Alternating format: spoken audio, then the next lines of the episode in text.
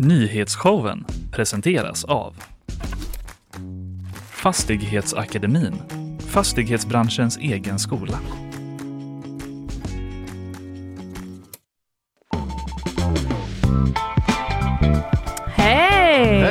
Kan God du sänka morgon. min Hej. nedhörning lite? Lina? Oh, vad högt! Så väljer Carl Jansson att introducera att det är han som eh, sitter eh, med mig idag. Nyhetsshowen är det. Det är tisdag den 3 oktober och eh, det är som ni hör eh, inte tjejtisdag utan eh, ska vi kalla det Karl-tisdag? Ja, Ja, är det bättre med meddelningen? ja mycket bra. Ja, Så, bra. där är det perfekt. Fick en liten chock av min röst så Ja, hjälpt in i dina öron. Det var bara högt. Ja. Eh, du, idag så ska jag prata om eh, partyknarkare. De beskylls ju ibland för att vara eh, liksom lite grunden till de kriminella gängens inkomster. Ja, men det har Om- man ju hört om. Ja, precis. Men är det verkligen så? Nej, vet inte jag. Nej, Nej. säger forskare. Okej. Mm. Vi återkommer till det. Vad ska du prata om? Eh, jag ska prata om eh, Nobelpriset i medicin eller fysiologi. Just det. Eh, vi som vet ni fortfarande inte vad det blev, eller? Precis, nej, jag vet inte.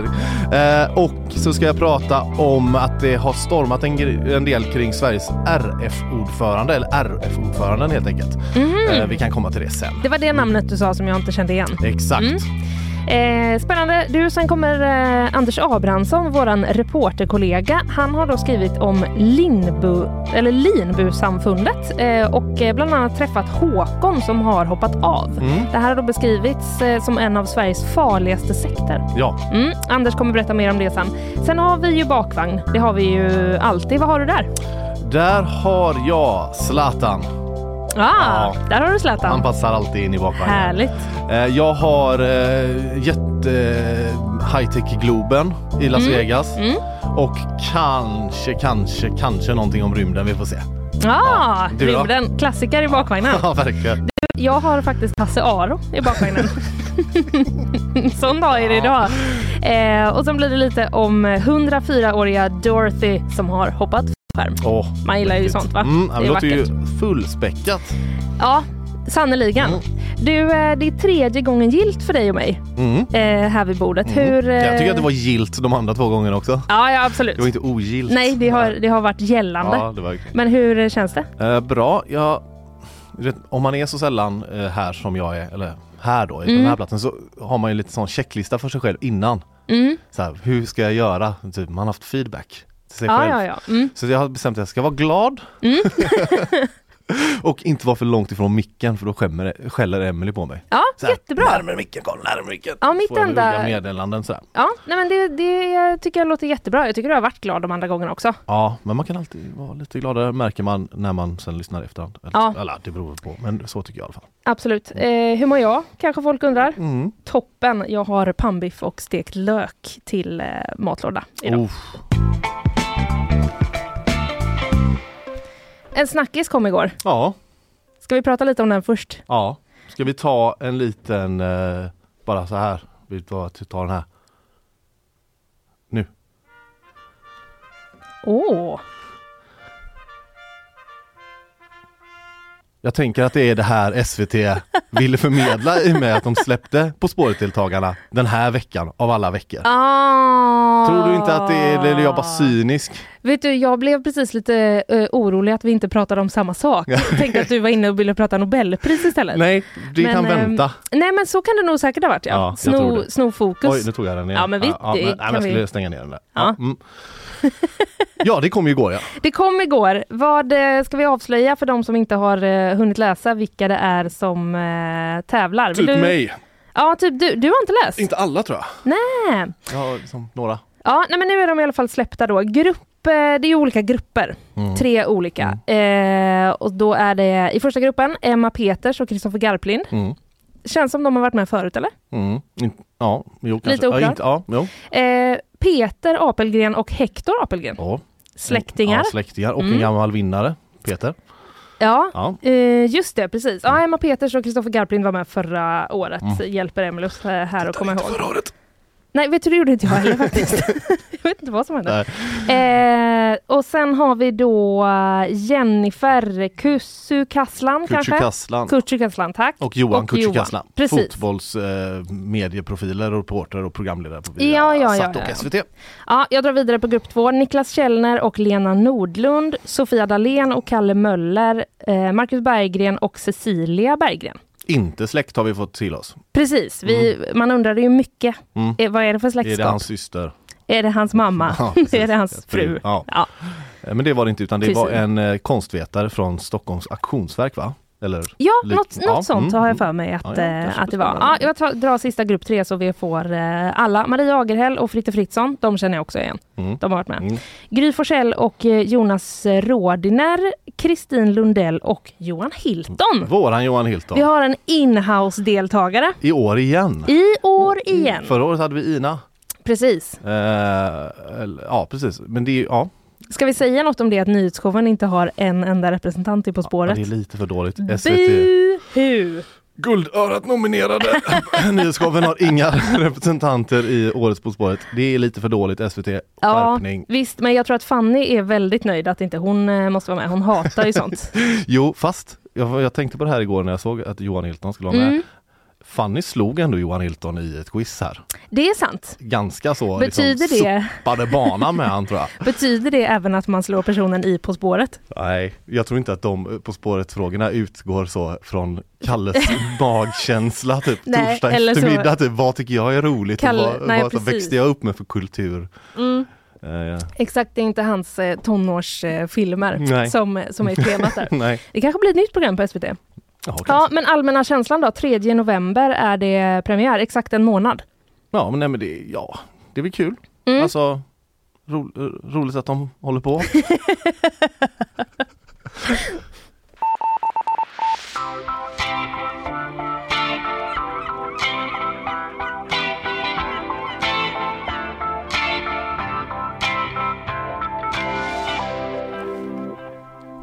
Linnea, vi Ja, pratade om det lite kort igår. Det är Nobelvecka. det är Nobelvecka. Ska vi lyssna på den en gång till eller? men det tycker jag Jag verkligen. tar den här en gång till. Mm.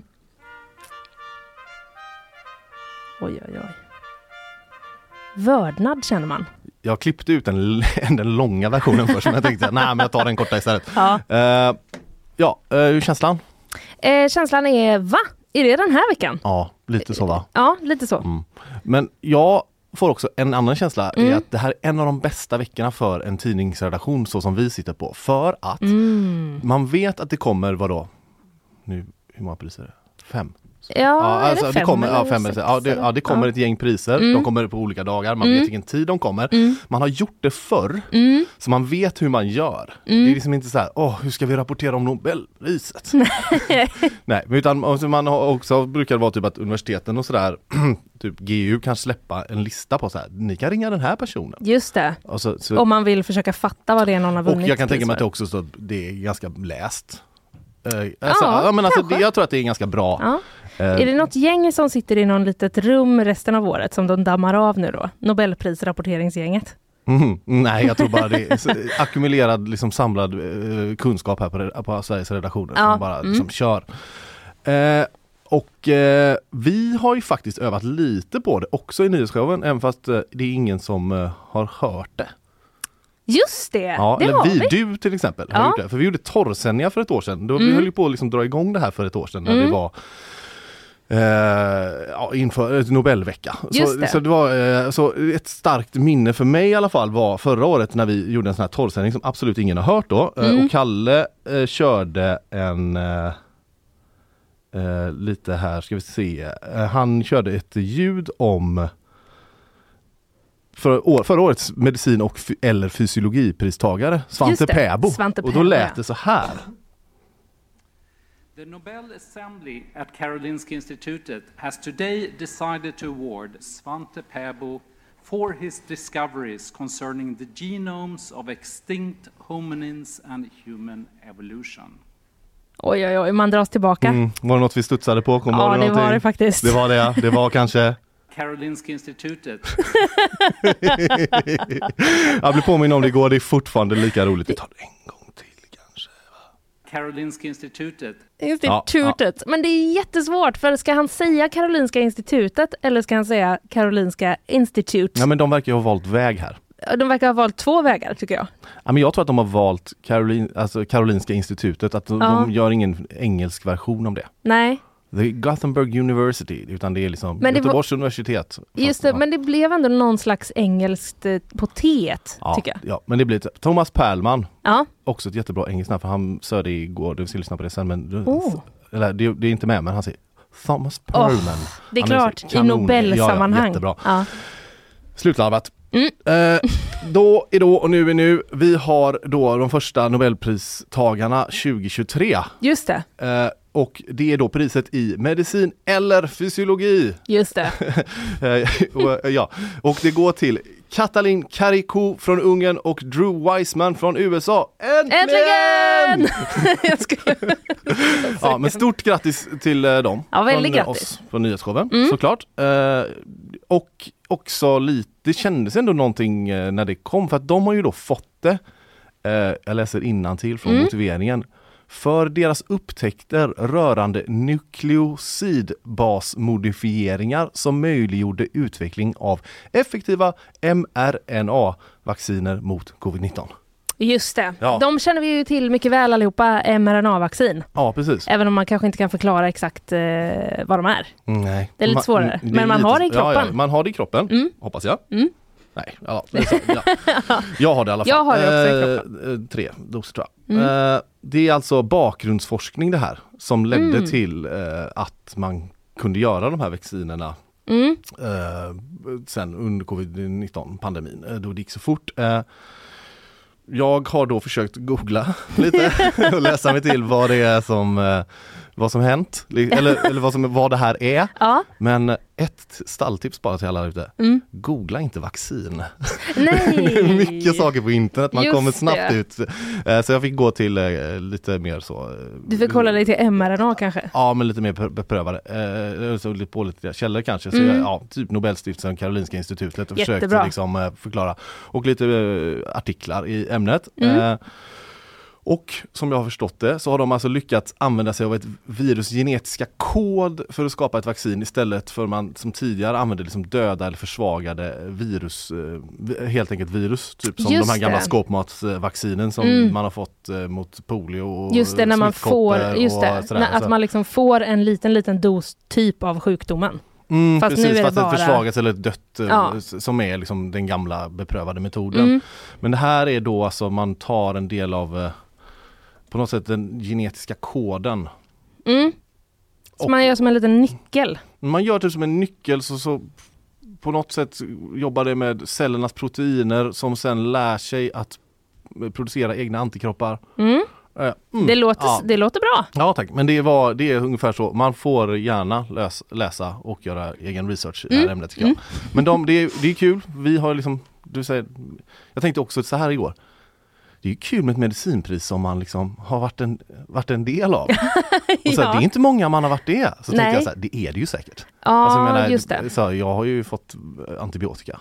Jo, men då har du kanske varit en del efter att de har fått Nobelpris kanske. Precis. För jag tänker de brukar vara så, de brukar väl vara Mm. relativt snabba ändå, Mm. kort efter Mm, upptäckten. precis. Ja, de här var ju, eh, Katalin Karikó och eh, Drew Weissman var ju ett, um, favorittippade redan förra året läste jag. det. Men då kom, eh, då blev det Svante Pääbo istället. det tycker jag var Mm, kul. Ja, det var kul. Men, Mm. eh, ja, men eh, vad säger pristagarna då? Ja, Ja, de är jätteglada. ja.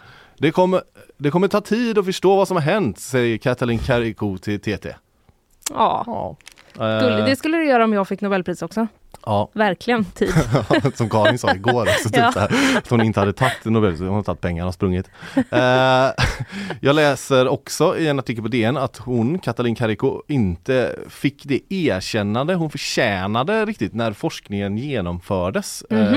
Jag typ att hon blev av med en forskningstjänst under tiden hon höll på med det här men hon, att hon höll på liksom verkligen Hon har verkligen kämpat för en tro på att det här kan liksom, det här kan verkligen bli en bra grej. Ja, Eh, hon säger så här i eh, intervju TT. Eh, jag hade inte varit här idag om jag inte blivit uppsagd från den tidigare tjänst jag hade. Jag vill tacka dem som försökte göra mitt liv eländigt för utan dem hade jag inte varit här idag. Boom! wow, vilket eh, är kanske lättare att se det på det sättet nu Mm. än då, kan Mm. jag tänka mig. Precis. Ja. Ja men de är jätteglada. Mm. Eh, Weissman verkar också vara jätteglad. Eh, jag läste faktiskt mest citat av Kariko. Kariko. Mm. Kariko. Men vi lär ju lära hur han uttalar hennes namn framöver. Just det. Eh, men nu undrar vi också, det är så jätte, de har fått detta, jättekul, vi är en del av det. Känns Ja, det som. precis. Vi, jag vill bara egentligen avsluta lite och se hur det gick för Thomas Perlman igår då.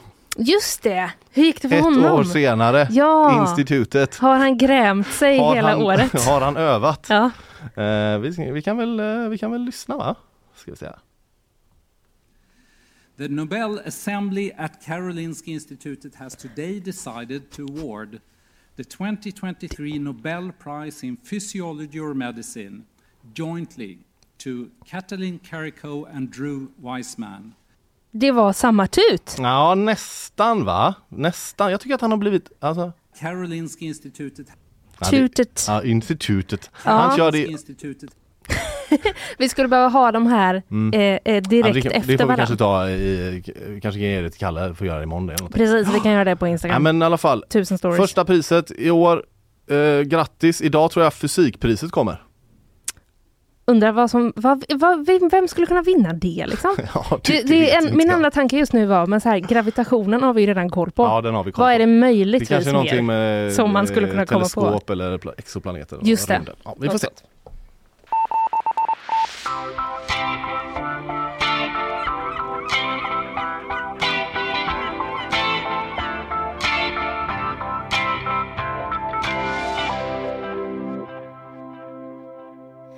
Du Karl, eh, Mm. är du sugen på att höra lite om partyknarkare? Mm. Mm, eh, det ska du få, men först eh, våra sponsorer. Nyhetsshowen presenteras av Fastighetsakademin, fastighetsbranschens egen skola.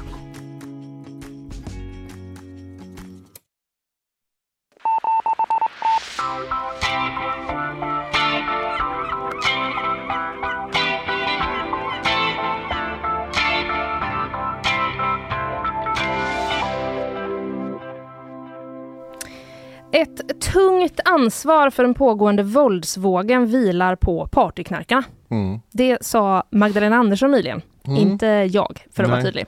Men stämmer det verkligen, undrar man. Eh, forskaren Björn Jonsson säger så här till oss på GP. Om de skulle upphöra med sin konsumtion skulle det inte påverka på något sätt. Oj. Mhm. Mm. Oj, ja, det Vad är så, ja. Ja. Eh, så här har ju Magdalena Andersson då också sett, eh, sagt. Var och en som köper och använder droger är med och göder de kriminella gängen och bidrar därmed också till utvecklingen som vi ser. Eh, oj. Ursäkta. Eh, därför behöver vi tala klarspråk om knarket och verkligen säga åt var och en som överväger att köpa narkotika inför helgen. Är det verkligen rätt att göra när vi ser konsekvenserna med skjutningarna och Mm. sprängningarna? Mm. Den eh, liksom retoriken har ju förts från flera håll. Mm, det här med eh, Ja. sluta ta kokain på helgen för det är ni som liksom upprätthåller de här Mm. eh, strukturerna. Och eh, vår kollega på redaktionen då, Etsas Yusuf, han eh, har liksom gett sig ut för att reda ut det här. Ja. Är det verkligen så? Då Är det därifrån liksom, lejonparten av pengarna kommer? Precis, är det så att om alla slutar partyknarka, har vi liksom ingen gängkriminalitet då? Mm. Eh, ja, jag vet inte om exakt det var så han undrade, men eh, det kan man, Ja, om man Mm, undrar det kan mm. man i alla fall läsa den här artikeln. Mm. Han har då pratat med Björn Jonsson som då är professor i socialt arbete vid Lunds universitet. Och han berättar att han hörde det här eh, resonemanget första gången för ett par år sedan. Då sa Stefan Löfven att rika personer i orter som Djursholm och Danderyd drev på eh, gängvåldet. Mm. Och Ja det men det här- minns jag. Mm. Och det här tycker då Björn Jonsson är eh, citat en oerhört märklig omvändning. Mm. Så här säger han. Förr i tiden när narkotikaproblem var nytt i Sverige såg man droganvändare som offer för slämma langare. Nu är det tvärtom, att langare, langarna är offer för konsumenterna. Det är en nästan unik inramning. Hänger du med? med? N- n- ja men ja. Nu, jo, att lite, nu ja. säger man lite så här, eh, eller att förr sa man liksom folk knarkar för att det finns langare. Mm. Eh, och nu säger man det finns liksom folk som säljer knark för att folk partyknarkar. Ja just Är du det. med att man har liksom ja. vänt mm, på det lite? Sen så använde han sig ordet offer va? Ja, precis. Ja. Nej men det är väl kanske att hårdra det lite, Mm, för, lite. Att, Mm. för att visa eh, poängen. Men Mm. så säger han i alla fall. Eh, men hur stor del då av den här marknaden står eh, partyknackarna för? Det undrar man ju. Undrar man. Eh, det finns ju inga exakta siffror Nej. eftersom gängen inte för statistik och rapporterar det till någon Nej, myndighet. Eh, men om man kollar på cannabis till exempel då och sporadiskt användande av det så Mm. står står de för mindre än 5% av marknaden. Sporadiskt användande av cannabis, partydrogen cannabis. Precis. Eh, 5% av, alltså, eller vadå, 5% av all... Alltså av allt cannabis Mm. som köps i Sverige, Mm. Mm. så eh, de som köper det liksom bara lite grann ibland, Ja. de står för 5% av den marknaden. Liksom. Mm. Mm. Och även då om man kanske röker varje vecka, Mm. om man liksom Mm. Tar en lite större del, men inte varje dag, då är det fortfarande de som röker varje dag som utgör 80-85% av marknaden enligt Björn Jonsson. Mm. Så det är alltså liksom de som använder mycket Ja. som står för den ja, stora ja, delen. Mm. Eh, och då kanske man också funderar på hur ser det ut med kokain då? Ja. Där finns det tyvärr ingen liknande forskning. Nej. Men enligt eh, Björn Jonsson då så är ju hans uppfattning att det här följer sannolikt samma mönster som både cannabis och alkohol, nämligen att då en liten grupp står för merparten av konsumtionen. Alltså, ja, okej, ja, jo, alltså rent spontant så tycker jag det låter väl eh, rimligt, alltså just kanske då typ kokain som ändå är en väldigt så beroendeframkallande drog. Mm. Så om man då hamnar i liksom ett, ett tungt missbruk, då kommer man ju nyttja Ja. mer av den drogen. jag. Ja. Precis. Eh, Etsas då, vår kollega, har också pratat med Albin Stenström som är doktorand vid eh, kriminologiska institutionen på Stockholms universitet. Mm. Han har forskat på polisens insatser mot narkotika mellan 1993 och 2020. Ganska lång tid. ja, 17 år. Mm. Nej, Nej, 23, Ja. vad blir det? Eh, det blir väl 27 år. 27 år menar Ja, jag kände jag bara? 17 år gammal är inte jag. Nej, det tror jag inte. Ja. Eh, men du, han tycker också att den här liksom idén om eh, partyknarkandet bygger på um, ett feltänk. Egentligen är det de konsumenter som har ett problematiskt bruk som står för den absoluta huvuddelen av konsumtionen, säger Ja, han. okej. Sen kan man väl diskutera vad som är ett problematiskt bruk såklart. Det kan det ju vara även om man inte tar droger hela tiden. Mm, ja, jo. Eh, men han säger också så här, det innebär då att de som brukar mest också är de som genererar mest intäkter. Men då är vi ju inne på att vi ska gå hårt åt de som har ett problematiskt bruk, vilket till och med tongivande narkotikapoliser förkastar. Mm. Alltså att man skulle liksom jaga, jaga, jaga, alltså eh, missbrukare, Ja, precis. För att få Ja. ner gängkriminaliteten. Exakt, precis. Eh, du kanske känner igen eh, det här resonemanget också. Får man bort narkotikan så får man bort gängens inkomster. Ja. Mm. Det stämmer inte, Va? säger Albin Stenström. Nej. Nej, för här finns eh, förutom narkotika både bedrägerier och välfärdsbrottslighet. Ja, ja. Mm. Eh, han tror däremot då att eh, knarket eller narkotikahandeln kan vara liksom en inkörsport för unga till eh, gängkriminalitet. Att sälja narkotika? Mm. Ja. För han menar att det är mycket enklare då att eh, som liksom tonåring börja sälja knark än vad det är att liksom få jobb med att ringa äldre och få dem att öppna sina banker igen. Välfärdsbedrägeri. Exakt, Ja. han menar liksom att det är, för, det är liksom på en mer avancerad nivå. Ja, Ja, ja. Nej, men, ja, det låter ju jättelogiskt.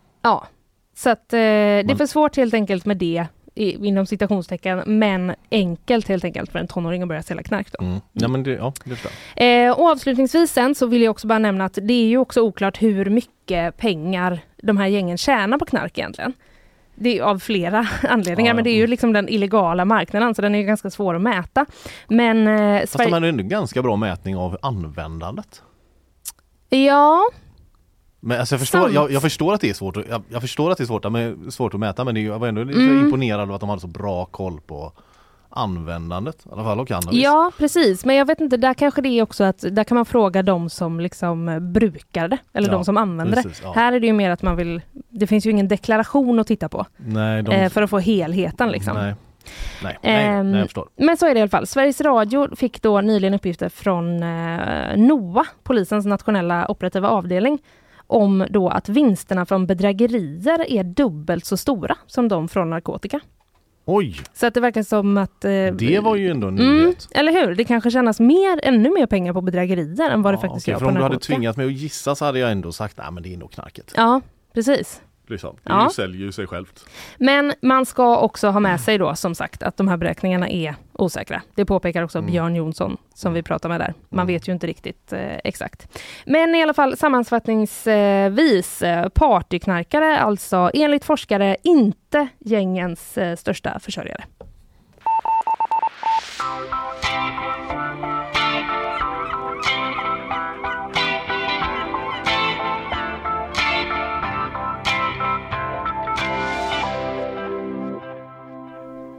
Ja du Karl, Är det jag igen nu? nu är det du. Nu är det jag igen. Ja, vad har du för spännande och intressant att berätta? Jo, Karl-Erik Nilsson. Just det. Mm. Mhm. Är han household? Han är inte household för dig. Nej. Topp tre svenska makthavare i ditt medvetande? Eh, vill du ha dem? Mm, Ja. Ja. Eh, nej men ja, statsministern Ja. kommer ju direkt upp. Mm. Kanske rikspolischefen, kanske Erik Thedéen. Ja. Något sånt. Mm. Men om jag, säger, om jag säger så här då, Karl-Erik Nilsson han var eh, Fredrik Reinfeldts föregångare. Och då pratar jag inte på statsministerposten, Nej. det var inte en sån jättekunskapslucka. Jag kände just det, vad är det som händer? Gö- gö- Göran- Gö- Göran Har jag Persson. missat en sån? Nej, utan som ordförande för Svenska Fotbollförbundet. Mhm, just det, det Han som är också... alltså Sveriges före detta ordförande för Svenska Fotbollförbundet. Just det. Och numera eh, RFs ordförande. Riksidrottsförbundet. Riksidrottsförbundet. Ja, så Ah. han är liksom, han är en jättestor eh, makthavare. Ja, han är, inom sport ja. Ja, alltså Mm. inom folkrörelsen, idrottsrörelsen Mm. så är han väl liksom den främsta makthavaren då. Men han har hamnat i blåsväder. Oho, okej. Ja, det har här tuffat på ett par dagar. mm. Ehm, den här historien. Vi ska försöka gå igenom den lite eh, så fram och tillbaka. Men eh, ja, eh, han sitter också nämligen och då hade han gjort eh, även när han var ordförande för fotbollförbundet eh, som förste vicepresident i Uefas exekutivkommitté. Huh. Uefa alltså det, Uefa känner jag till. ja, det europeiska fotbollsförbundet. Mm. Eh, så Europas ja, del då. Svenska fotbollsförbundet, Europas och sen Fifa har vi då. Just det, i organisationsskissen. Ja Mm. precis. Eh, men så han är en, han är liksom en potentat Mm. där också och inom RF då. Ehm, men vänta lite nu. Mm. Det är ju två stolar i det här rummet. Ja, det är sant. Kan man sitta på dem båda? Ja det verkar så. Ja. Eh, eller har gjort det ett tag. Liksom, det verkar ändå ha Mm. varit att det, ja, det kan man göra. För det är det som diskussionen handlar om nu eller? Vi kommer till det, Ja. men eh, ja delvis. Eh, för att i förra veckan, i fredags tror jag det var, då, läst, då skrev vi om det i alla fall på GP, Mm. att då kom det uppgifter från Sky Sports i England Mhm. eh, om att Karl-Erik Nilsson då har röstat för att ryska ungdomslag ska kunna delta i Uefa-tävlingar eller mer specifikt landets U17-landslag ska kunna få tävla i europeiska tävlingar. Mhm. Bland annat är då ett U17-EM i fotboll då för pojkar som ska spelas i Sverige i maj 2024, alltså nästa år. Mhm. Eh, och vad är grejen med det då? Ja, Det är ju bara ja, kriget. Ja, kriget. Men Mm. det är också det att SVFF, alltså Svenska Fotbollförbundet som han var ordförande förut, eh, och RF då, ordförande nu, de har alltså eh, de har ju en annan linje i den här frågan. Alltså Aha. ryska eh, lag ska inte delta.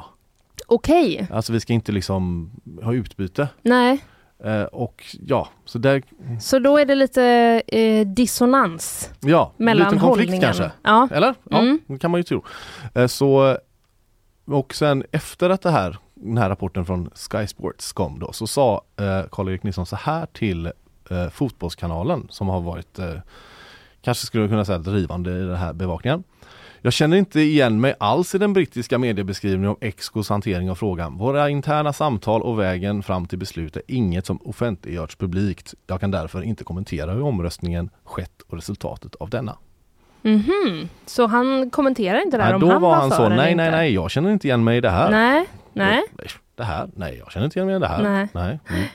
Mm. Eh, men sen i, söndags så ändrades han och var ute på RFs hemsida på ett, ett pressmeddelande och sa att eh, det har varit en omröstning. Men Mm. att den har bara varit alltså, eh, en utredning ifall de ska rösta om att släppa in ryska barn och ungdomar. Jaha, så någon slags föromröstning? Ja men precis och att Mm. den riktiga omröstningen ska vara senare som jag har förstått det Okej. som. Ja, men det Mm. är just lite svårt för att Uefa eh, jobbar ju inte med så offentlighetsprincipen. Nej, just Man det. kan inte gå till diariet. Man kan inte begära Så- ut nej. en omröstning. Nej, Nej. men det har ju sådana typiskt som har lyfts både med Fifa och Uefa. Alltså ingen jävel vet vad de håller på med. Det är ju lite märkligt egentligen. I Nyon tror jag Ja. de sitter.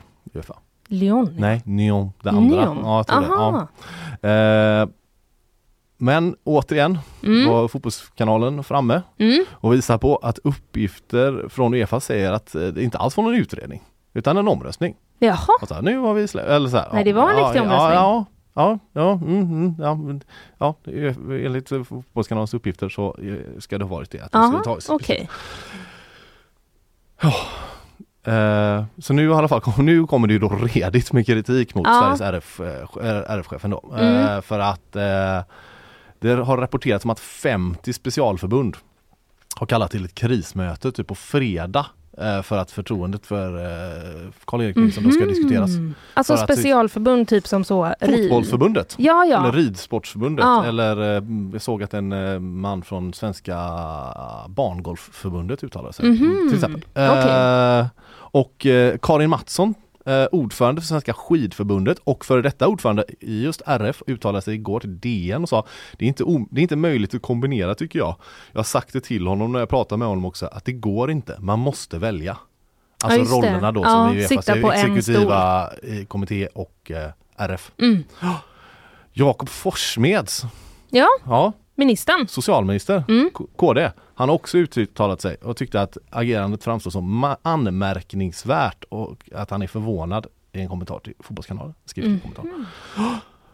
Och vi har inte hört något nytt från eh, vi- Karl Axel? Ja, Karl-Erik han Karl-Erik. pratade i eh, Han pratade i eh, Sveriges Radio häromdagen och det, han hävdar ju också typ att det är en utredning men också att, eh, det, han, alltså att han ser till eh, barnperspektivet, att man försöker Mm. utreda alltså barnkonventionen Mhm. hur man kan liksom, alltså att barn och ungdomar har rätt till idrott. Just det, för det var 17-åringar det handlade om. Ja precis, Mm, det här, mm. och att Uefa är starka i sin övertygelse om att så här, vuxna ryska deltagare ska absolut inte få vara med utan Mm. det här handlar om att man inte ska beröva en generation ryska barn då som de säger eh, Ja, ja. Dess rätt att eh, utöva idrott. Okej, ja. Ja, men... men- på fredag då? Det var, vad var Ja, då, är som det, ett- gällde då då? är det något för möte, krismöte, vi vet inte eh, exakt vad det är som ska hända på det men att det ska väl diskuteras. Det är ju det lite. Fredrik Reinfeldt har ju till slut också uttalat sig i Just frågan det. för han duckade Mm. först eh, Mm. de första dagarna.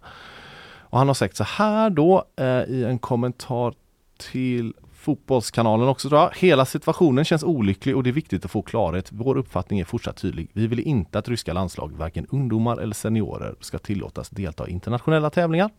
All right, Ja. de har sin linje. Och Olof Lund, vad säger då? Ja, Olof vad säger Lund? Olof Lund då? Ja. Han säger så här i en krönika, en text som han skriver om angående det här ämnet då på Fotbollskanalen. Man Mm. måste kunna lita på den som är ordförande och det går inte längre med Karl-Erik Nilsson. Oh. Mm. Ja, Han tycker inte att han kan vara RF-ordförande längre. Vi får väl se. ja, hårda ord där på slutet. Tuffa dagar för Karl-Erik. Tur att han har mer än en stol att sitta på.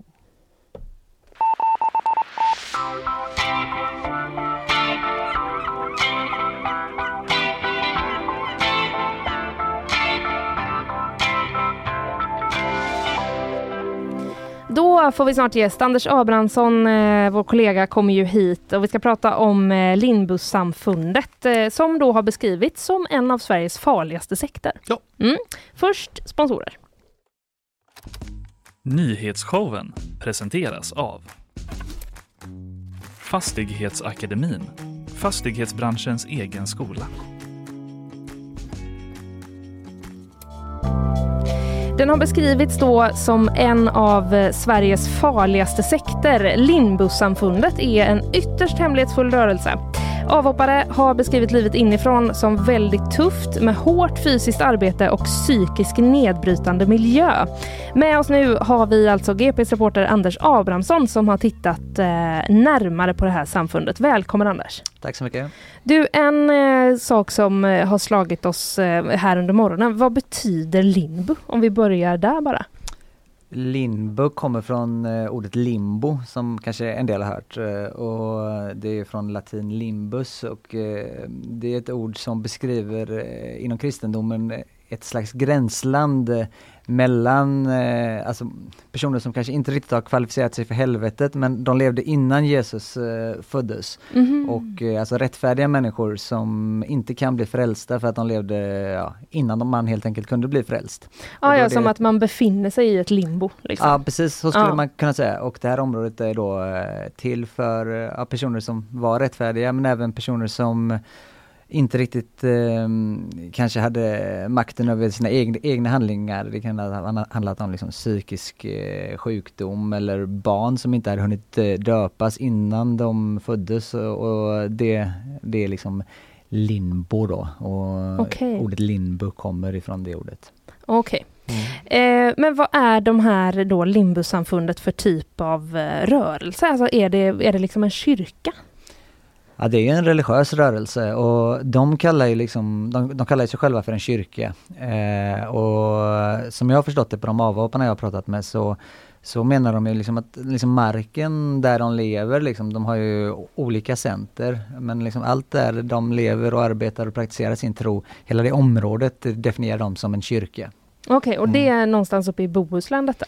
Ja, ehm, de har en gård uppe i Bohuslän i Munkedals kommun, eh, uppe på Kynnefjäll som, som det heter. Och sen har de även eh, fastigheter i gränslandet mellan Skåne och Småland, i Älmhult och Osby kommun. Mm. Men de har ju haft sådana här center eh, i jättemånga länder. Eh, Tyskland, Norge, Storbritannien, Italien, eh, Polen.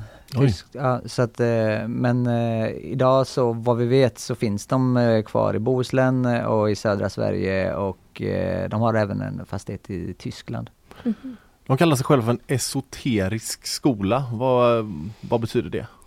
Alltså i det här sam- sammanhanget förenklat så kan man säga liksom att eh, den här kunskapen, den esoteriska kunskapen som de eh, lär ut, det är kunskap som man kanske inte direkt kan läsa till sig i böcker eller det är kunskap som är liksom obegriplig om man inte vet ja, hur man ska tolka den eller hur man ska ta sig till den.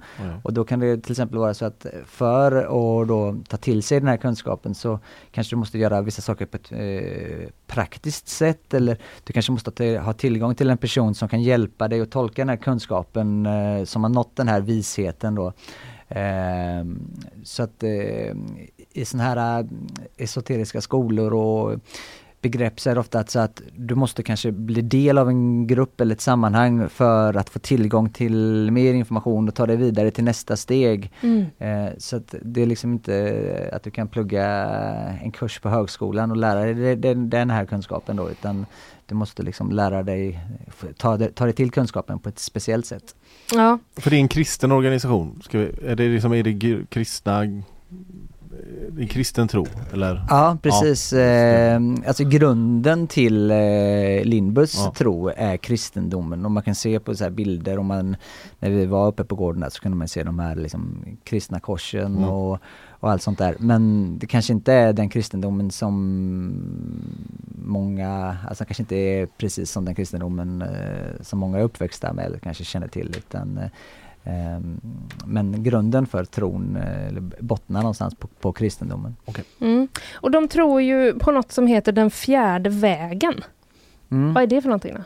Ja, det är eh, en eh, teori som togs fram av en väldigt speciell man som hette Georgi Gurdjieff som levde, han föd- föddes i slutet på 1800-talet och, eh, eller på 1870-talet och eh, enligt myten om honom då så sägs han eh, ha gjort en eh, 20-årig resa till eh, länder som Tibet och Indien, olika länder i Mellanöstern eh, där han eh, sökte sanningen och studerade uråldrig eh, religion och eh, liksom träffade människor. Och den fjärde vägen då, ehm, det är en esoterisk eh, väg till vishet eller till en högre medvetandegrad och den skiljer sig från de eh, tre traditionella då, esoteriska mm, vägarna. Fakirens väg och så är det yogins väg och så är det munkens väg. Och fakiren då liksom använder sin kropp, liksom smärta och sånt där och eh, munken sina känslor och eh, yogin sitt eh, intellekt. Men eh, den fjärde vägen kan man, skulle man kanske kunna säga är en eh, kombination av alla de här vägarna. Mm. Men enligt eh, Gurdjieff då så eh, det jaget som vi upplever, eh, det är ett falskt jag som liksom bara, allt vi gör är påverkat av, eller styrs av yttre påverkan. Men då menade eh, Gurdjieff att eh, om man försöker bryta ner det här falska jaget, eller vi har flera jag eh, som styrs av olika krafter inom oss. Men om man bryter ner det, han kallar det att, man, eh, att masken skulle av, så, så kan man hitta sitt sanna jag som styrs av dig och eh, då kan man eh, nå en slags högre medvetandegrad. Mm -hmm. Och eh, då finns det olika vägar dit och eh, en väg kan vara liksom extremt fysiskt arbete eller extrema psykiska påfrestningar och lite sömn.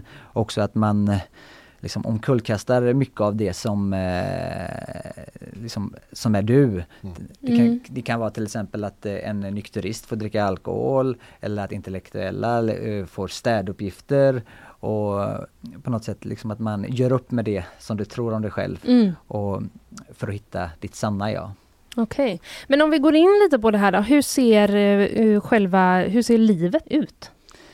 Ja, de avhopparna som, som genom åren, det har ju skrivits lite om den här rörelsen eh, liksom med jämna mellanrum eh, mm. sedan slutet av 70-talet. Eh, de etablerades i Sverige här någonstans i början av 70-talet och hade sin officiella invigning 1976 i Lund. Eh, och det är ganska lik bild. Det, det verkar, om man liksom ska lyssna på avhopparna så, eh, så har det sett ut ungefär likadant eh, i snart 50 år. Utan det är hårt arbete, man går upp tidigt på morgonen, man har sina arbetsuppgifter. Och man kanske går upp sju och jobbar till 17-18 och sedan tre dagar i veckan så, så har man obligatoriska möten då där man pratar om läran och, och liksom vad man tror på och då kan det också då genom åren eh, har det berättats om olika former av ritualer. Men det är också av, avhoppare som har berättat att det var mycket längre arbetspass. Alltså att mm. man jag vet inte, en del räknar nog också in de här mötena. Men eh, vi har ju pratat med avhoppare som menar att de jobbade 16-17 timmar om dagen och kanske bara sov eh, 4-5 timmar varje natt. Eh, mm. Och till slut då menar att liksom man blir helt nedbruten. Du vet inte vem du är själv. Liksom. Mm. Men, um, vad kunde det vara de gjorde då till exempel när de, när de arbetade? Vad kunde de ha för uppgifter? Nej men de har ju till exempel uppe i Bohuslän här uppe utanför Gärdekas så, ehm, så har de ju en gård. Så det är ju allting från mm. att hugga ved till att sköta jordbruk eh, till att ta hand om djur. Eh, och det är ju liksom ganska fysiskt arbete. Mm. Det är ju um, allting som kan tänkas behöva göras på en gård. Mm. De har beskrivits som en av Sveriges farligaste sekter. Så varför beskriver man dem så? Är det det fysiska arbetet eller är det något annat där som Alltså det där med farligt, det mm. kommer ifrån eh, en bok som heter Att leka med, med elden från slutet av eh, 90-talet. Mm. Och vi har liksom inte några, vi har inga belägg liksom att de ska gett sig på någon fysiskt. Så Nej. på det sättet så, så tror jag inte den kan definieras som farlig. Men det kanske är den beskrivningen att den är farlig, det är ju att det kan vara farligt liksom att psykiskt liksom att eh, det blir farligt på så sätt att man många avhoppare menar att de har helt enkelt brutits ner och glömt bort vilka de är. Liksom, eh, ja, och eh, det är mer psykiskt farligt mm. för eh, medlemmar då. Eh, mm. Skulle jag definiera det som eh, den beskrivningen i alla fall vad vi har fått till oss från, från de avhopparna vi har pratat med. Men det var ju på 90-talet där så var det ju också mm, många, många farhågor för olika religiösa grupper du vet, inför 2000-talet, vad som skulle hända då. Det. Och eh, det finns ju det. liknande rörelser som har förutspått eh, domedagen mm, och så mm. vidare. Och så där. Men eh, det tror jag kan vara bakgrunden till just den beskrivningen. Sen har den också beskrivits som en av Sveriges hemligaste sekter. Just det. Ja. Eh, och ehm, det har väl att göra med att helt enkelt, de har ju ingen, de har inga officiella skrifter eller du kan liksom inte gå in på en hemsida och säga vi grundades 1976 mm. och vi tror på det och vi gör det. Utan eh, det som är känt om den här, här rörelsen är ju i mångt och mycket vad avhoppare har berättat. Mm. mm. Och eh, sedan i somras så kom det faktiskt också ut en, eh, en bok av en av, eh, som handlar om en kvinna som var med och grundade den här rörelsen. Mm. som heter Bonita Hightower som var gift med eh, den personen som också grundade Limbo, Hallstein, Hallstein Forest Um, och de var i sin tur medlemmar i en liknande rörelse i USA i början av 70-talet som hette mm. Fellowship of Friends. Och de tror också på den här fjärde vägen. Mm. Um, och um, jag har nästan glömt bort frågan, jag bara Ja. babblar på.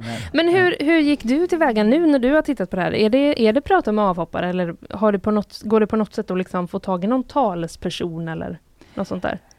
Alltså, vi har ju besökt deras gård och vi har ju sökt eh, deras ledare på olika sätt. Eh, men eh, ledaren eh, har inte återkommit. Eh, vi har pratat med hans sekreterare, en kvinna som uppgav, uppgav sig vara en sekreterare som inte trodde att eh, de ville prata. De upplever ju liksom att alla skriverier om eh, deras rörelse genom åren eh, eh, liksom det, att det att det helt enkelt, helt enkelt inte stämmer. Mm. Eh, Mm.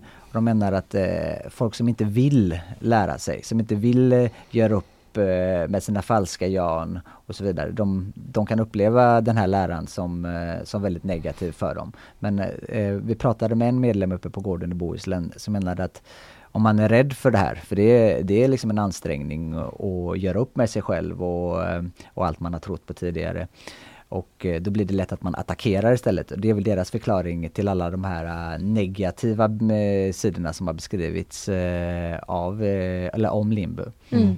Du nämnde ledaren ett par gånger här nu och han heter då Hallstein Farestveit, Mm. norskt. Ja, Eh, han enligt avhoppare då beskrivs som en, en gud mer eller mindre i det här inom rörelsen, eller en ja, väldigt stark person.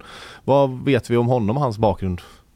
Nej, vi vet ju när han är född. Han är född i slutet på 30-talet eh, i en eh, by på norska västerlandet, eh, lite norr om eh, nordost om eh, bergen blir det väl.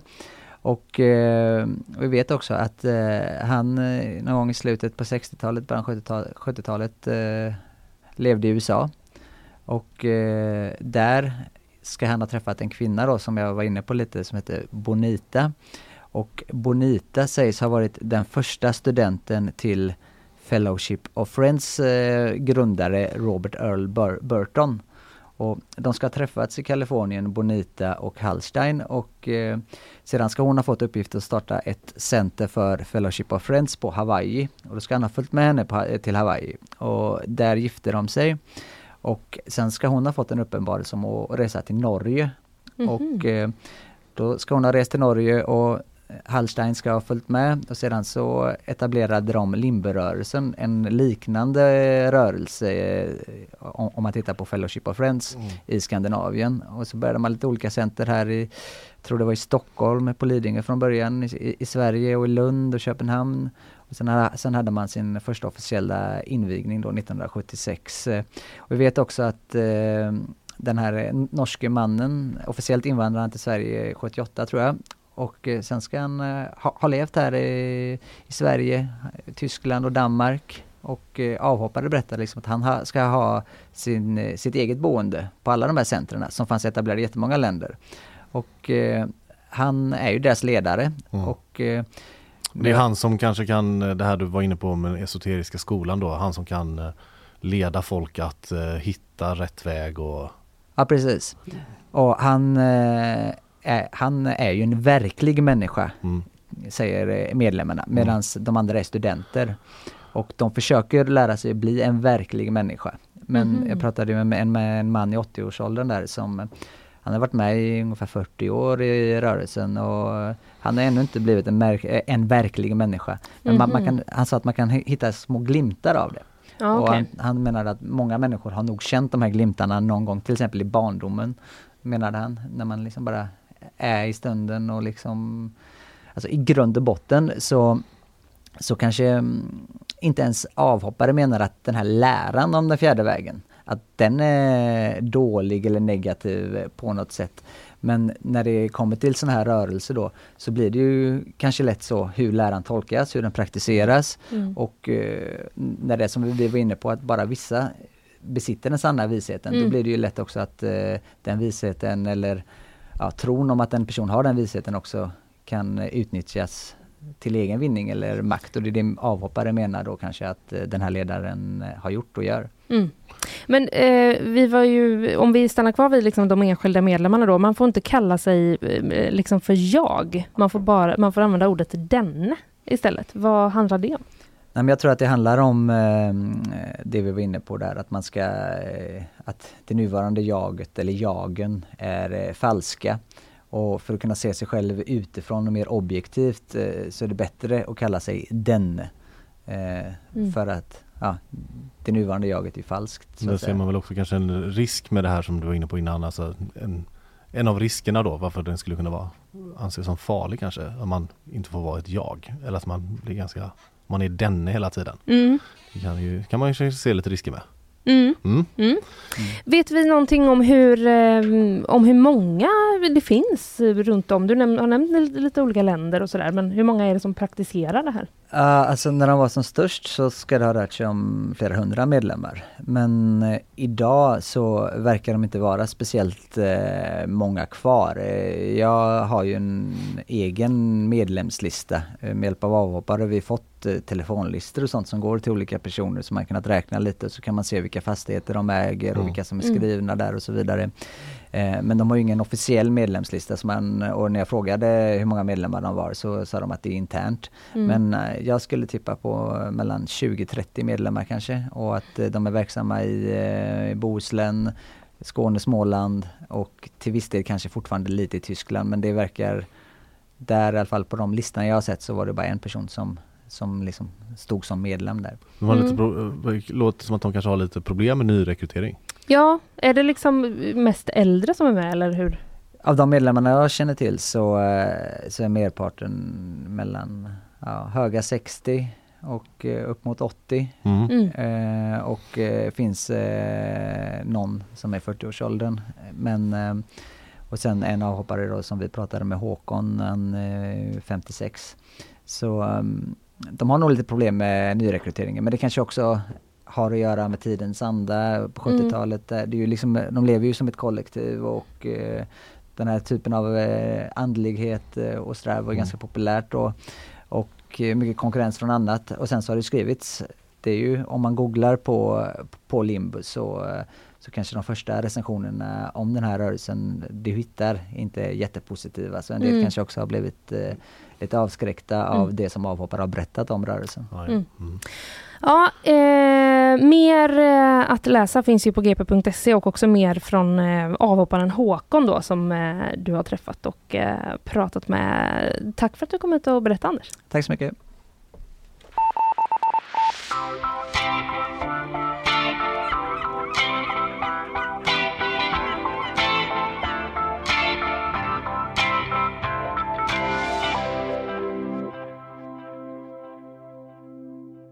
Oj, oj, oj, Karl. Mm. Det börjar närma sig bakvagn. Ja. Mm, men eh, först sponsorer. Nyhetsshowen presenteras av Fastighetsakademin, fastighetsbranschens egen skola.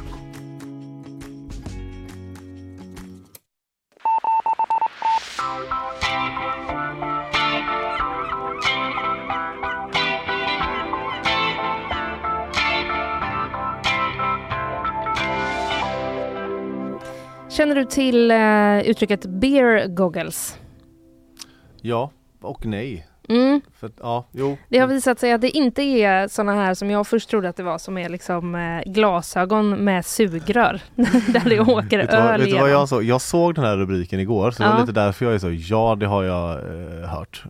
Eh, jag såg det hasta förbi igår och så, Ja. men så tänkte jag att du vet det var såna här såna här glasögon som är så som att de ramlar ut. Sådana med liksom ögon med spiralgrej. Alltså, ja precis, Ja. men varför Mm. det har med öl att göra? Nej, det var ju, men det var det jag såg framför mig. Är det för att du alltid har på dig sådana när du dricker Jag tror jag hade ett par sådana när jag var liten men eh, Ja, de var ju inte roliga. Nej, de är väl roliga för den... den De tittar på. Kanske ändå att eh, de är roliga för den som tittar på, ja. Ja, okej, precis. ja. Ja. Eh, I alla fall, det här är inte liksom fysiska glasögon utan det här handlar då om, eh, ja, jag läser från vår artikel på gp.se. Mm. Termen beer goggles tros ha myntats av amerikanska universitetsstudenter på 1980-talet. Mhm. Mm. Och innebär då att folk i omgivningen upplevs mer attraktiva när man är berusad. Ja, ja, ja. Det här är ju ett koncept som eh, man har hört talas om. Ja, Mm. Vad, har du själv upplevt det? kanske har hänt. Mm. kan ha hänt. Ja. Ja, det kan ha hänt eh, mig med eventuellt. Men eh, i, trots då läser jag att många säger sig ha egna erfarenheter av det här fenomenet, typ Mm. du och jag då. Mm, mm. Eh, så har ingen systematisk eh, forskning eh, på området eh, gjorts. Nej, Men nu, nej, det, nej. Det är ju, det är ju, det är det är en eh, fråga om eh, så här, resursfördelning. Ja, precis, och, det kan liksom, vara det finns ju en pott med pengar till Exakt. universitetet. Och, Mm, ja. Anslaget gick till de här mRNA-vaccinen istället för, Yes. istället för beer goggles myntat av eh, De satt- studenter. De satt så, fan har du tänkt på att eh, folk blir snygga när man dricker? Ja, ja, ja, men alltså du vet vi har håller på att bryta igenom eh, vaccinteknik här. Jo, jo, men hur, hur funkar det egentligen? Ja, man kanske måste blanda lite liksom Ja, så att man jo. får lite eh, Öronmärka pengar. Ja, lite både mm, och. Men eh, då har i alla fall vår reporterkollega pratat med Malin Hildebrand Kallén som då är legitimerad psykolog och eh, docent vid eh, Göteborgs universitet. Mm. Och hon har då kollat på hur kognitiva förmågor som då till exempel minne och bedömningar av social interaktion påverkas av eh, alkohol. Och hon eh, har, vis, eh, står det här, fokuserat på alkoholpåverkade vittnen. Mhm. Det Mm, måste ju ja. vara ett dåligt vittne, tänker man Ja, det tror jag. eh, spontant. Men det fin- hon säger i alla fall då att det finns andra studier som hon känner till där man har kunnat bekräfta eh, den här eh, välkända effekten att alkohol gör en mer benä- benägen att se vinster i nuet än konsekvenser i det längre perspektivet. En gång till, nu hängde inte jag med. Ja, men att när man dricker alkohol, Ja, då är det lättare att man ser eh, det här är en vinst just nu, ja, ja. men det Mm. kanske får en tråkig konsekvens längre fram. Ja, jo, jo, det Att man är benägen att eh, Mm. välja lite efter, em, efter det. Ehm, men så är det i alla fall. Ju högre dos desto större skillnader, Mm. eh, säger hon eh, också. Men nu är det då så här att det finns en ny studie som har gjorts vid universitetet i Pittsburgh. Pittsburgh. Mm, där har man låtit 32 män komma in i labbet två och två för att då bedöma oj, bedöma snyggheten hos andra personer utifrån foton. Det Mm. var väl skönt att det var foton. Ja, precis. Vet du, två fulla män kommer in och ska bedöma en snygghet. panel. Så får man själv vara nykter också, sitta där, ta Ja. emot eh, detta. Ja, Mm. Eh, I alla fall. Eh, så här säger då psykologiprofessorn Rebecca Monk i en, till The Guardian. Genom att få deltagarna att tro att bilderna de tittar på föreställer personer som de kan välja att träffa i framtiden. Det låter ju som en datingapp det här. Mm, just det. Eh, men genom att liksom få dem att tro det i alla fall har forskarna då adderat ett bra inslag av realism som har saknats i den tidigare forskningen. Typ den du väljer nu, den du tycker är snyggast, står här ute och väntar på dig. Ja, Så i en korridor på Penn University of Pittsburgh. Pittsburgh. Typ, du är dyngrak. Vilken konstig situation. vi har jättemånga tjejer här ute i korridoren. De, de står bara och väntar. Mm. Eh, ja men det verkar i alla fall då männen då eh, som har då eh, tittat på och värderat eh, bilder och videor av både män och kvinnor. Mm. Eh, och, eh, och det var tydligen också så att det var två män i taget och de kände varandra. Så det var liksom du och Kalle till exempel hade Mm. kunnat delta i det här experimentet. Och Och det, det, tror jag är kanske, eller så här, hela den grupptryck social, alltså Ja. man, man skärper till sig om det är någon ny person. Ja, jag läser att forskarna gjorde det för att eh, man då på så vis bättre skulle kunna efterlikna riktiga sociala situationer. Precis, ja. Eh, Och då är det tydligen så då att de eh, vid ett till- testtillfälle så har de fått alkoholfritt och vid ett annat så har de fått dricka vodka och tranbärsjuice. Tills de hade 0,8 promille. Det är ganska högt. Det är ganska högt. Ja men det är ganska högt. Ja. Ja, sladdriga Ja. testpersoner där eh, Jo inne. det, det tror jag ändå är nödvändigt i det här fallet. Ja. Alltså, Men eh, i alla fall då, när de hade betygsatt personerna på bilderna så fick de då svara på vilka de helst skulle vilja träffa i ett experiment. mhm. Och när de var berusade, då var chansen nästan dubbelt så stor att de ville träffa personerna som de tyckte var mest attraktiva i ett framtida experiment. Ja. Eh, forskarnas slutsats är att berusningen inte verkar leda till beer goggles, men däremot till liquid courage. Jaha. Att man vågar lite mer istället. Så det verkar inte som att de har liksom eh, tyckt att eh, folk har varit snyggare, men att de då eh, i större utsträckning har sagt ja, henne kan jag tänka mig att träffa. Eller honom. Det var ju Mm. bägge två. Hon är tillräckligt snygg för mig. Ja, precis. det, är- så, ja, det är alltså typ Eller mer så, jag är tillräckligt int- snygg för vad heter henne. Det? Introspekt goggles, ölgoggles, Precis. att man ser, alltså spegel, Ja, en ölspegel. eh, precis. En ölspegel eller då liquid courage Ja. som eh, eh, finns som eh, begrepp.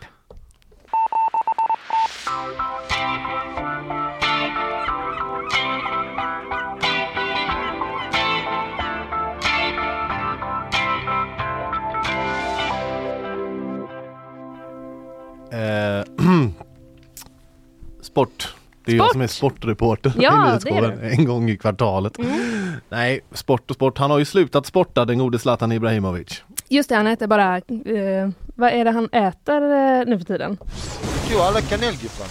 Ja. Kom in 40 kanelgifflar. Han äter kanelgifflar. Jag tycker det är någonting så himla lite gulligt i att han säger kanelgifflar. Ja, jag vet. Det, det, är, eh, det är jättegulligt Ja, faktiskt. det är någonting, jag vet inte vad det är. Jag är väldigt glad att jag hade det ljudet. Ja, eh, jo, han ska, han ska intervjuas. Han ska Ja, intervjuas. han ska intervjuas av... Nyhetsshowen! Ja, Nej. nej! Eh, men av Piers Morgan. Aha! Känner du till Piers Morgan? Ja, men lite grann. Ja men brittisk, eh, var väl på så här Alltså var han inte på typ News of the World och kronikerat och har suttit i så här Good Morning Britain? Och, det känns som han har varit runt lite ja, överallt. mycket. Han är ju ganska kontroversiell. Ja. Han fick väl gå från typ Good Morning Britain va? För att det var Det det, här han med. Harry eller Meghan att han uttalade sig eh, liksom kanske lite illa om henne va?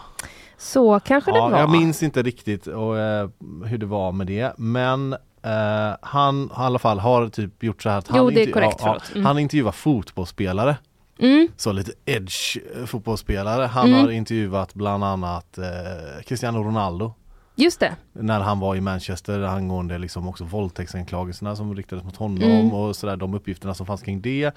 Han intervjuade väl, var det Russell Brand kanske? Eller någonting. Jo, ja, det känner ja, jag till. Han är Ja. liksom sån, liksom, Mm. det är lite så. Eh, Och nu har han, ska han då intervjua Zlatan. Vad ska han intervjua honom Ja, om? vad ska han intervjua honom? Vi, ja, vi kan lyssna på par sekunder här av bara den trailern som kom. För den här intervjun kommer i veckan. Mm, i slutet okej. av veckan. Och den heter Zlatan Uncensored. Will I get a better interview roughing you up a bit? Will I get the real Zlatan then? You wanna play with fire, I will bring you fire, but I will burn you. When I say I am God, you think I'm joking or not? You tell me. I'm not joking. Wow! Ja, Det är en så eh, eh, stor eh, skillnad i kaliber jämfört med eh, Grynets intervju med Zlatan, vilken jag alltid tänker på när jag hör ja Zlatans och sen, namn. sa han, sen, sen lite senare säger han så här. Sen fick han frågan, då bajsade han på sig. Jag var bara tvungen, förlåt. Det är från en gammal intervju som Noah Bachner gjorde med Zlatan för typ fyra år sedan. Det handlar om Janne Andersson. Han tycker, men sen Ja, blev ju de ja. kompisar. Så det är ju det. vatten under broarna. Ja. Nej, men Zlatan ska göra en sån uh, um, uncensored. Uncensored. Med, med Piers Morgan och typ världens så eh, 12-åriga killar bara "Åh, ståpäls. Eh, Men som om man då typ läst Zlatans bok eller Mm. bara typ så sett Zlatan i media de senaste tio åren så känner man ju Mm. direkt att man bara, jag säger det bara, gud vad trött jag blir på det här. Ja, alltså man För gör... det är så att, att han är gud, att han är typ så här, If you play with me, you play with fire. ja, Alltså, men det, verkligen så är här- ju gammalt. Ja, och sen lite senare i det där klippet så är det typ Mm. så här att han, då tar han upp, då klipper de ihop det här med att han säger till eh, Guardiola som var hans gamla Barca-chef, eh, eller tränare att så här, att han har bråkat med honom Mhm. och så är det den här grejen att han typ så här, I don't do tryouts. Att han en gång skulle gå till det brittiska laget Arsenal men att han skulle provspela men att han sa att han inte skulle provspela. Alltså Mm. det är ju så 25 år sedan. det är liksom inga nyheter, det är så bara så här, han ska bara göra all, alltså det är så, vet du vad det är? Nej. Det är best of Zlatan Ibrahimovic Ja, vad tråkigt. Det är liksom en greatest hits eh, med Zlatan Ja. och Piers Morgan för alla eh, 12-åriga killar som inte har hängt med i det svenska med nyhetsflödet de senaste 20 Nej, åren. nej, jag det, men- kommer inte titta. Nej, jag kommer inte heller göra det, men man, man skulle ju vilja att det fanns liksom någon, vad är den springande punkten? Vad är liksom den intressanta, intressanta frågan här Ja, som kommer? Men det blir Ja. någon slags eh, sammanfattning. Det verkar bli en liten sammanfattning. Ja. Jag tror att de kommer, de kommer ja, nej, jag, jag tror inte att... Eh, eller är det frågan om vem som tog eh, kanelgifflan? Känner du till dem? Oj.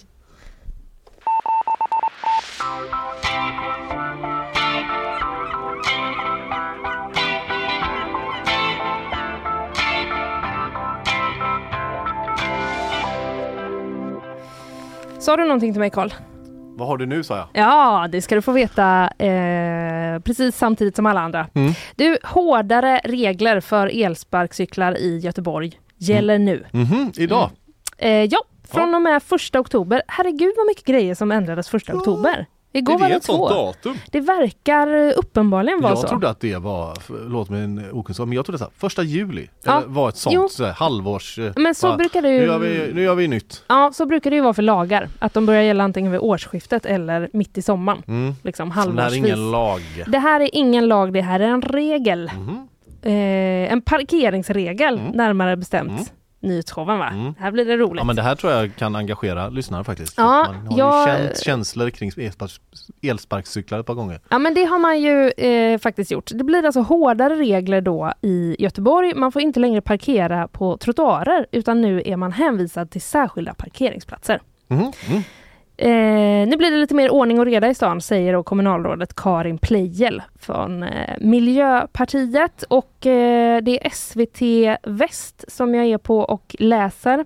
Eh, och man gör ju så ibland som reporter att man liksom eh, tar sig ut på stan Mm. för att få liksom en röst från verkligheten. Mm. Man vill fråga elsparkcykelåkare, vad tycker ni om detta Det egentligen? låter som ett genuint eh, reporterarbete. Exakt. Eh, det gjorde alltså då eh, SVTs reporter Magnus eh, Dennert. Gav sig ut på stan i eh, Göteborg, fångade första bästa person och eh, så här blev det. Känner du till de nya parkeringsreglerna? Eh, alltså inte i detalj men man ska ju fotografera tydligen. Ställa sig på ett ställe och fotografera. Nej, Hasse, det där med fotografering kanske är nytt i Stockholm men inte i Göteborg. Ja, eh, den där rösten känner man igen. Ja, Det var Hasse Aro. det var Hasse Aro. Det var Hasse Aro som hade fångats och eh, han fick Och till en vet, liten jag vad, nu burn. vet jag också vad det är som har hänt. ja. Det är bokmässan. Du, jag vet. Men det, visst, är det, visst är det roligt ändå? Ja. Att det, det är så udda på något sätt, men det är ju så mycket kändisar på Bokmässan. Ja. Så det går ju liksom inte att undvika dem. Och så kunde han heller inte, för jag tänker att den här reportern vet vem Hasse Aro är. Absolut. Ja. Mm. Men så han kunde liksom inte undvika frestelsen att ta den Hasse Aro trots att han vet att han inte bor i Göteborg. Eller hur? Eller hur? Och att också sätta dit Hasse Aro lite och säga så. Ja, du. Så kanske det är där du, där du eh, håller till, men Mm. inte här hos oss. Eh, Han har alltså fångat Hasse Aro då, eller ja, fångat. Frågat. Fråga, ställt en fråga till Hasse Aro. Ja, precis. I eh, Vasaallén ser jag här på bilderna. Jag cyklar varje dag. Mm. Ja, det gör du. Mm. Just det. Ja, nej, men där eh, befann eh, han sig i alla fall. Det var bara ett roligt sätt att hotta upp en nyhet om Ja. nya parkeringsregler. Ja, verkligen. Jag kände liksom, eh, jag tycker också det är roligt på något sätt att Hasse Aro ställde upp. Mm. Att han ja, tänker men det så. tror jag. Han är, ju väl, Jag han är- är ju väl journalist i liksom, grund och botten. Ja men han precis, vet väl- han vet kanske att ibland när man är ute och ska fråga sådana här saker så kan det vara lite trögt. Ja, det jag kan tror vara det. vissa jag tror människor- Faktiskt, där, där väljer jag att tro att han är liksom ta- den för laget. Ja, ställer upp. exakt. Det kan ju vara att man frågar och frågar och frågar och frågar och ingen vill vara med. Som när jag en gång för länge, länge sedan gjorde en enkät om fågelbajs till exempel. Nej. Mindre bra idé, det var en, inte från mig och inte på den här tidningen heller. Men eh, i alla fall så kan det vara. Åter till då, vi ska inte bli helt sidetrackade av det nej, här. för nu vill jag veta också om de här parkeringsplatserna. Exakt, mm, Hasse Aro i stickspåret. Det finns då helt enkelt ett 80-tal särskilda platser för parkering av elsparkcyklar i Mm, Göteborg. Har du sett någon sån här? Nej, jag, Nej. men jag, jag blir fan på riktigt, jag vill, jag vill. Du vill Jag se vill, jag vill ha dem. Ja, ja, du vill att, vi ska, att de ska finnas i stan? Ja, men det tror jag är bra. Ja, det är ju grattis då, Ja. för de finns eh, även om vi inte har råkat se någon. Nej. Men man får, nu får man liksom helt, helt enkelt då inte längre parkera den var som helst på en trottoar eller mitt på en cykelbana eller någonting sånt där. Ehm, och eh, om man trots allt gör det då, parkerar på fel ställe, då kommer eh, elsparkcykeln att transporteras transporteras bort av Göteborgs stad. Redan idag flyttar vi runt 200 elsparkcyklar i månaden. Mm. Det är en kostnad som elsparkcykelföretagen får stå för, säger då Karin Pleijel. Undrar vem som jobbar som det? Elsparkcykellyftare. Mm. Och var hamnar de? Ja. Har de ett... Återbruket i Alelyckan. Heter. Precis. Svårt bara om man köper en sån second hand där då, en Voi. Ska man känna igen den på stan sen? Vart parkerade jag? sig och så. De har lagt ner Voi typ eller något kanske. Och så, Ja men det då tänker jag då kanske man får så jailbreaka den Ja, som med telefoner på... Ja, så, med kablar varje gång man ska Så någon annan som står med så två sina kab- ens kablar när Ja. man ska ta den och så ja, kan man inte riktigt säga någonting för att ja, vad ska Precis. Är det där min eller är det en av de tre miljoner sparkcyklarna Ja, som finns i stan? Eh, ja, det är i alla fall oklart. Eh, SVT har pratat med några av bolagen då som hyr ut eh, elsparkcyklar och de eh, säger att de har gått ut med information till sina användare via appar. Är de, är de eh, liksom positiva till det här eller är de, tycker de att ah, jobbigt? Det framgår faktiskt inte riktigt här vad de tycker. De anpassar sig kanske? Jag tror att de anpassar sig efter eh, vad som gäller på Mm. marknaden. Men eh, de säger också då att användare som då parkerar fel Mm. riskerar att bli avstängda eller till och med få böter. Så Ja. tänk eh, på det du som eh, sparkar dig fram på en eh, elsparkcykel Mm. där ute. Mm. Övriga göteborgare då förutom förutom Hasse Aro som Mm. fångades på stan, verkar mest tycka att, det, tycka att det här är en bra idé. Mm. Tongångarna är mest positiva till hårdare reglering, läser jag. Även då Hasse Aro säger att han är van vid detta.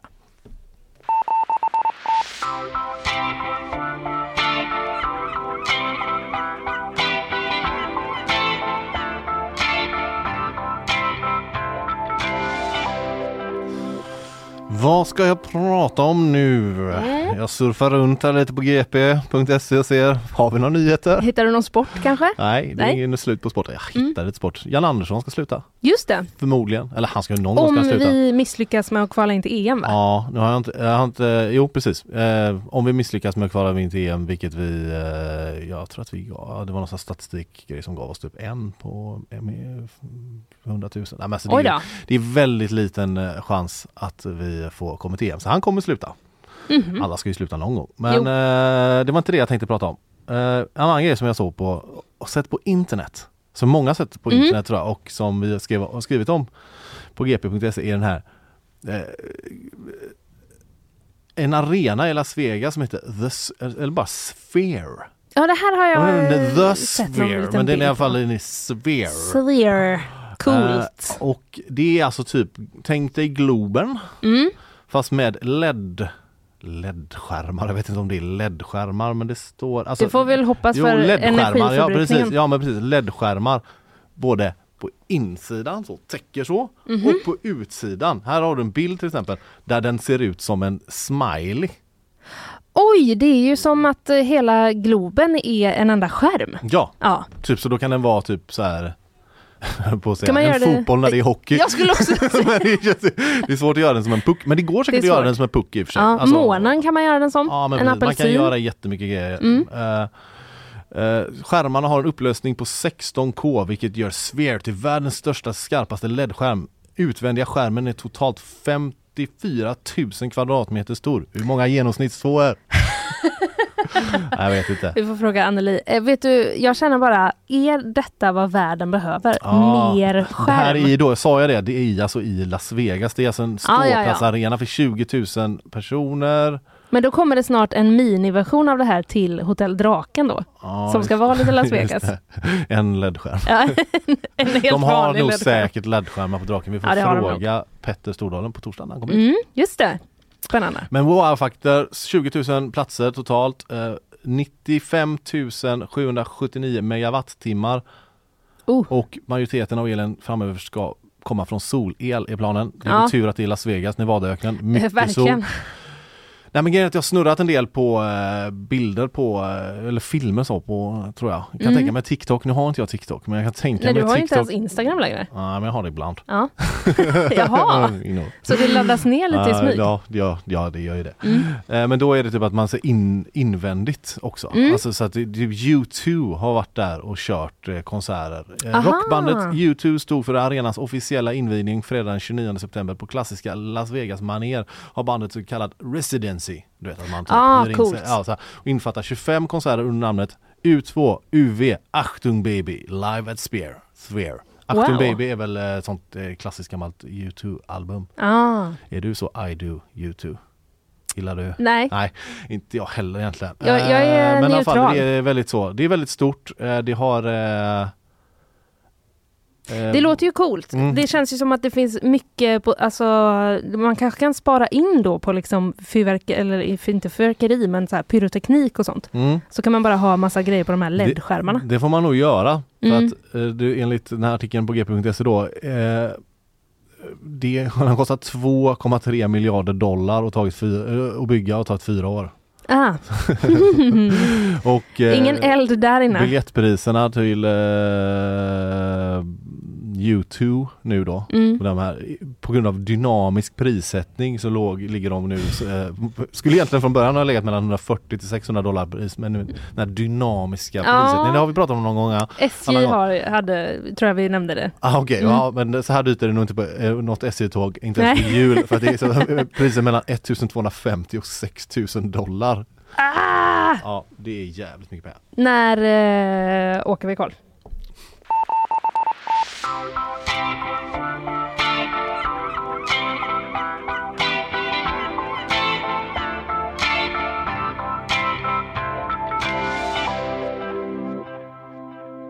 Det har blivit dags att eh, rapportera om ett världsrekordsförsök.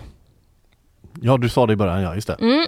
Det handlar om eh, Dorothy Hoffner från USA då som hoppas bli inskriven i Guinness rekordbok. Hon har nämligen i helgen som 104 år gammal eh, hoppat fallskärm.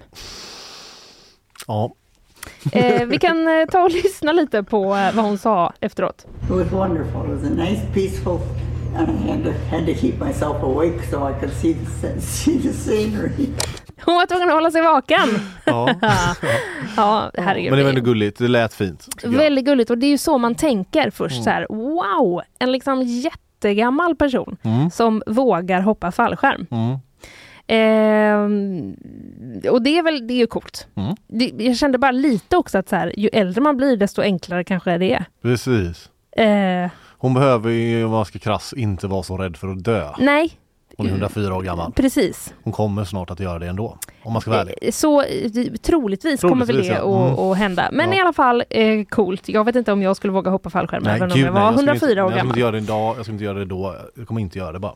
Jag kanske gör det när jag är 104. Ja, jag återkommer du eh. Mm. i så fall. Men eh, i alla fall, det var från 4000 meters höjd då i Illinois. Eh, och hon hoppade då ett sånt här tandemhopp, så hon hoppade inte helt själv. Nej, Utan hon hade... för väl. Så då kanske hon aldrig dött. Det är också, eh, det här säger jag med all respekt, eh, det finns ett fantastiskt foto på, eh, på henne i luften Mm. där liksom, du vet hur det kan bli när, när det är högt, sluta Karl, eh, när det är liksom, när luften har ett högt tryck liksom, Ja. det blåser mycket. Mm, ja, ja. Och eh, som 104-åring har man ju då ett ansikte som är det- där huden liksom inte är lika spänd. Kan, ja, Du fattar. Ja, ja, jag fattar. Man fattar Jag vart jag det. är Ja, på väg. ja. Den är i alla fall eh, eh, underbar den bilden eh, tycker jag. Mm. Hon har också hoppat fallskärm förut en gång. Mhm. Då var hon bara 100 år gammal. Jaha, och det var ändå så. Mm. Ja. Och, eh, Och, och undrar om, står det, det kanske står, men ångrar hon att hon inte började tidigare? Eh, det vet jag faktiskt inte, det finns nog någonstans men jag är på Omni nu och Ja. läser en lite kortfattad eh, version här bara. Eh, däremot så finns det anledning för eh, oss att bli eh, besvikna för att eh, när det här hoppet då officiellt liksom registreras Mhm. för Guinness rekordbok, då kommer hon att sno det här rekordet från en svensk kvinna. Nej men va? Eller hur? Ja. Och eh, med ett väldigt vackert namn. Linnea Ingegärd Larsson, Ja. 103 år gammal. Mm, Hon slog det här rekordet förra året. Okej. Så att det pågår, eh, kan man säga, en beef mellan då Linnea och Dorothy. Eh, de två Men vem av 100 dem, plus vem av dem är, är äldst? Ehm, Vet vi det? Ja, bra fråga. Det skulle kunna vara att de är precis eh, födda samma år faktiskt. Ja precis, då får man ta på det dagen för om då Linnea skulle, om hon orkar, hon kanske inte bryr sig om världsrekord, hon kanske bara gjorde det för att Ja, Hon fast kanske inte de gör det för äran liksom på det Nej. sättet, hon kanske bara vill hoppa fallskärm. Men det verkar ju ändå som att hon har skickat in liksom registreringen till Kanske Guinness är typ så rekordbok. flygklubben som har gjort det. Jag vet inte. Ja. Hoppklubben. Hon, jag ser här Jag att... tänk- kan tänka eh, mig att det kan vara, vet du vem som kan ha skickat in det? Nej. Nils van der Poel. Han bryr sig mycket om världsrekord och gillar att hoppa fallskärm. Eh, vi får väl se, jag kan försöka, vi får försöka se här om vi kan hitta något. Jag ser i alla fall att det blev eh, ganska mycket uppmärksamhet i internationell media för Mm. Linnea eh, förra året då när hon slog eh, eh, när hon slog det här eh, rekordet eh, helt enkelt. Nu är det dags att stänga ihop Ja, Carl. det stänger vi. Mm, vad har du pratat om idag? Jag har pratat om Nobelpriset i medicin eller fysiologi. Väl artikulerat. Mm, tackar. Jag vet fortfarande inte vilket. Just det. Eh, jag kommer gissa på medicin. Jag tror också det. Eh, men vi vet inte riktigt. Jag har pratat om partyknarkare. Är det verkligen så att de, det är de som göder gängen? Det verkar inte så Som va? eh, politiker och tyckare slänger sig med ibland. Nej, säger forskare. De står för en ganska liten del av Mm. marknaden faktiskt. Eh, sen hade vi också Anders Abrahamsson här. Han har skrivit en hel del om Limbussamfundet som då är eh, som har beskrivits som en hemlighetsfull sekt och i vissa fall en eh, ganska farlig sekt. Ja. Anders har pratat med eh, avhoppare, Håkon till exempel. Det kan man läsa om eh, mer på vår sajt om man vill. Och sen var vi framme vid bakvagnen, där vi är nu. Ja. Eh, vi ses väl här om någon, några månader igen och gör det här Karl. I Q4. I Q4. Då ses vi för en ny sändning. Vi är i Q4 tror jag. Tack för idag. Hej!